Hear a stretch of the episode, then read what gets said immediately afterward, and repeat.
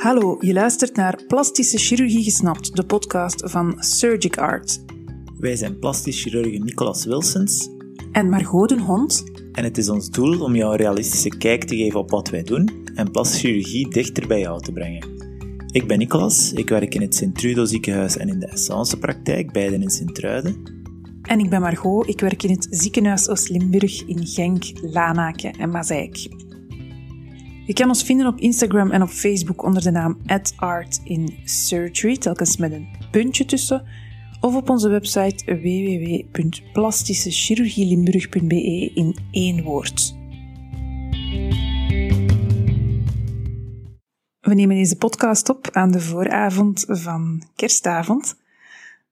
En hij zal ook gelanceerd worden op kerstmis, maar misschien luister je op een heel ander tijdstip. En we gaan het hebben over... Een liplift. Yes. Ja, zoals je wel weet, is heel veel van wat wij doen het behandelen van tekenen of symptomen van veroudering. Als dat, als dat storend is voor de patiënt. En een liplift past daar ook helemaal bij.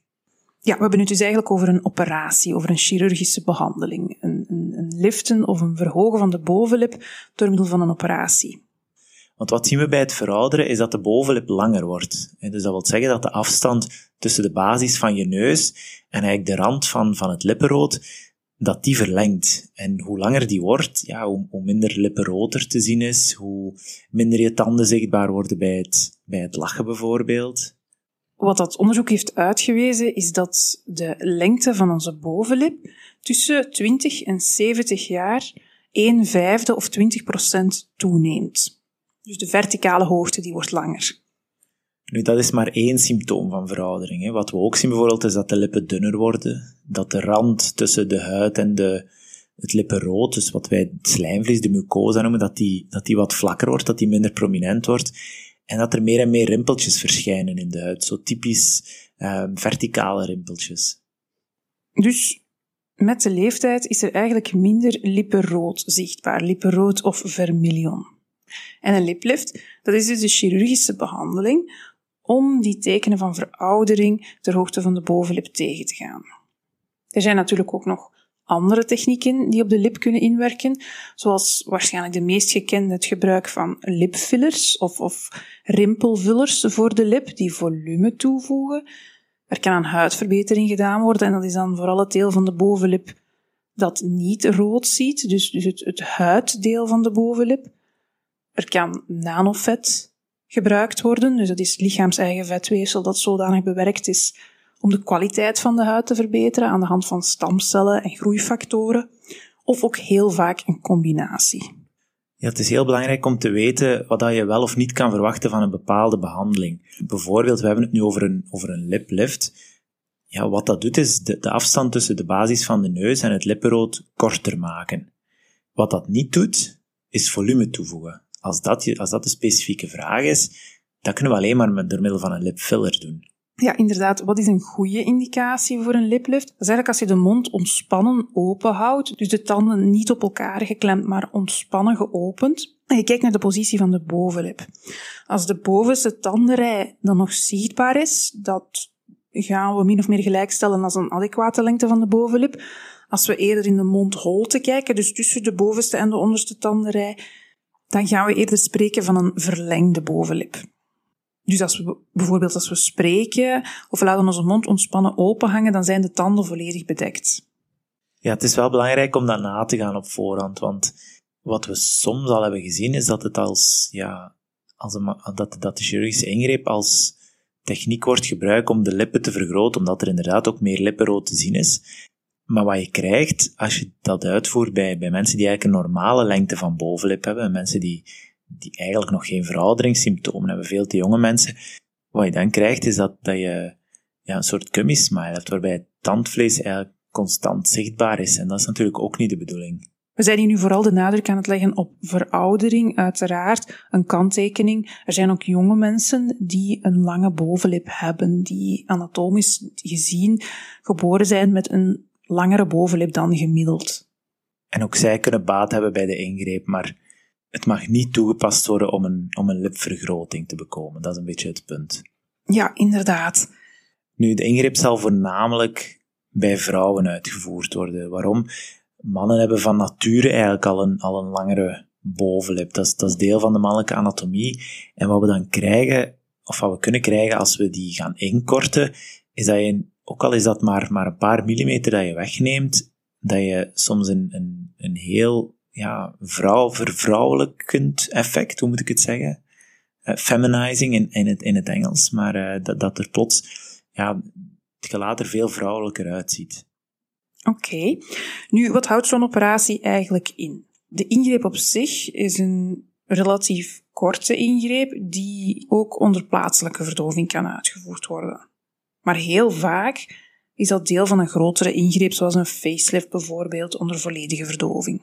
We maken een sneetje aan de basis van de neus en via dat sneetje gaan we eigenlijk een paar millimeter huid verwijderen en zo eigenlijk de, de bovenlip optrekken.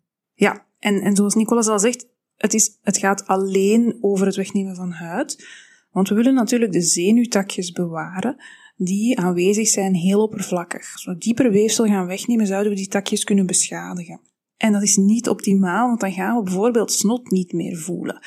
Wat dan sowieso na de operatie altijd aanwezig is een tijdje, een aantal maanden, totdat het littekentje terug genezen is. Nu, het, het netto-effect van de ingreep is dat het uh, lippenrood meer zichtbaar wordt.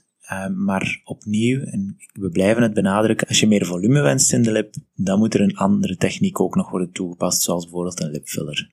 Ja, de lip keert dus eigenlijk wat naar buiten. Onze, het lippenrood bestaat uit slijmvlies, zoals we al gezegd hebben. Een stukje van dat slijmvlies is droog en een stukje daarvan is nat. Wat er gebeurt is dat er meer lippenrood naar buiten komt en dat we van een, een platte, meer mannelijke lip naar een meer vrouwelijke lip gaan die wat naar buiten keert.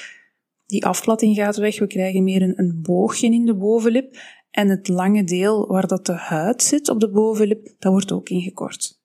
Dus het is moeilijk om in woorden te omschrijven, maar het huiddeel van de bovenlip, dus niet het rode deel, dat gaat meer een, een kuiltje vormen, dat gaat meer uitgehold zijn en het lippenrood komt zo een beetje meer naar voren. Waardoor dat het optisch wel een idee kan geven van een discreet vergroot volume, alhoewel er in het lippenrood zelf geen volume is toegevoegd.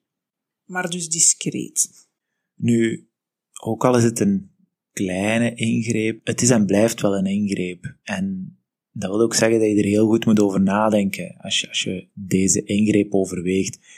Want er zijn natuurlijk ook nadelen, er zijn ook complicaties mogelijk. Niet zozeer een complicatie, maar wel een nadeel is dat, dat er een littekentje is. En in het begin kan dat litteken wel zichtbaar zijn, kan dat visibel zijn.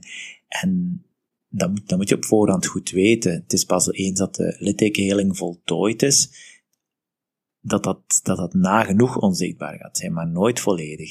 Ja, daar, daar gaat eigenlijk het belangrijkste deel van de ingreep is een goede positionering van dat littekentje, zodanig dat dat achteraf eigenlijk niet meer opvalt. Dus daar, daar is heel goed over nagedacht. Er zijn al zeer veel verschillende patronen van beschreven. Maar het doel is echt om dat maximaal te verstoppen in, in de natuurlijke huidplooien van ons gezicht. Nu, we weten dat elk litteken, waar dan ook, dat het nu goed gepositioneerd is of niet, dat heeft een helingsperiode nodig. En dat gaat eerst anderhalve maand à twee maanden aansterken. En dat kan dus roder worden en dan wat dikker worden en meer zichtbaar. En dan heeft dat toch nog wel een jaar nodig om volledig te verzachten en zo discreet mogelijk te worden, mits de juiste littekenzorg. Een ander mogelijk nadeel in het begin van de heling, heeft Margot daarnet al even aangekaart, is dat het gevoel een beetje verstoord kan zijn in de huid van de bovenlip. En dat dus inderdaad kan gebeuren dat er ja, een, een druppel snot naar beneden loopt zonder dat je het goed voelt. Ja, maar daar ook weer het doel dat dit een tijdelijk effect is, dat er niet te diep wordt gesneden zodanig dat die sensibiliteit, die zenuwtakjes, maximaal kunnen bewaard worden. Natuurlijk, opnieuw, veel heeft ook met littekenheling te maken. Sommige mensen helen heel goed en heel gunstig en andere mensen vormen dikkere littekens. Dus daar zit een zekere factor om voorspelbaarheid in. Zoals met alles in de chirurgie. En dan een laatste, ja, ook, ook zoals bij elke wonde, eh, ook in de chirurgie, is dat er een wondprobleem kan optreden. Een infectie kan optreden, waardoor het wondje minder mooi uitheelt, waardoor je soms wat langer wondzorg nodig hebt. Elke keer als wij met een mes de huidbarrière doorbreken, kan er ook een bacterie door die huidbarrière gaan en een infectie veroorzaken. Dus dat, dat is nu eenmaal eigen aan, aan opereren. En zeker op die locatie, aan onze neus, daar zitten wel wat bacteriën bij elkaar. Ja, dus de chirurg zal, zal goed met jou bespreken wat de nazorg is, zal goed met jou bespreken wat je zelf kan doen om dat risico zo laag mogelijk te houden. Maar het risico is nooit nul. Zo is dat. Voilà, een korte podcast over een korte, maar wel heel mooie ingreep. Is hier iets niet duidelijk over of heb je nog vragen? Aarzel dan niet om ons of een ander plasjeugd te contacteren met, uh, met je vragen. Dankjewel voor het luisteren en fijne feestdagen voor degenen die meeluisteren op kerstmis. Tot de volgende keer. Fijne feestdagen. Tot volgend jaar. Dag.